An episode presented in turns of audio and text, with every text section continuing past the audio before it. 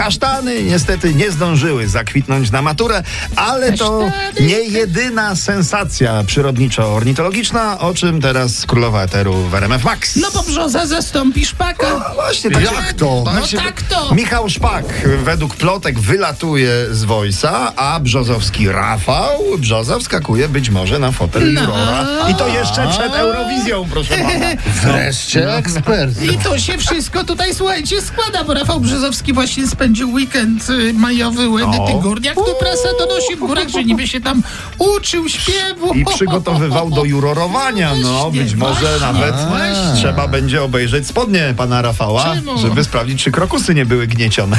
Bo to wiesz, jak to jest. No, słuchaj. no. To jest śpiewanie na krokusie. No Ma, majówka w górach z Edytą Górniak. No. Pozdrawiamy No, Rafała oczywiście, serdecznie. pewnie. Powodzenia, Też. Rafał. Oczywiście, słuchajcie, córka Tomasza Adamka wyszła za mąż. U. Bajkowy ślub za ponad 300 tysięcy 300 złotych. No to 300 taka impreza była, tysięcy na ślub? Prasa, tu Czekaj. wszyscy się rozpisują, no. To wychodzi 60 tysięcy na gościa, no bo jest limit 5 osób. No.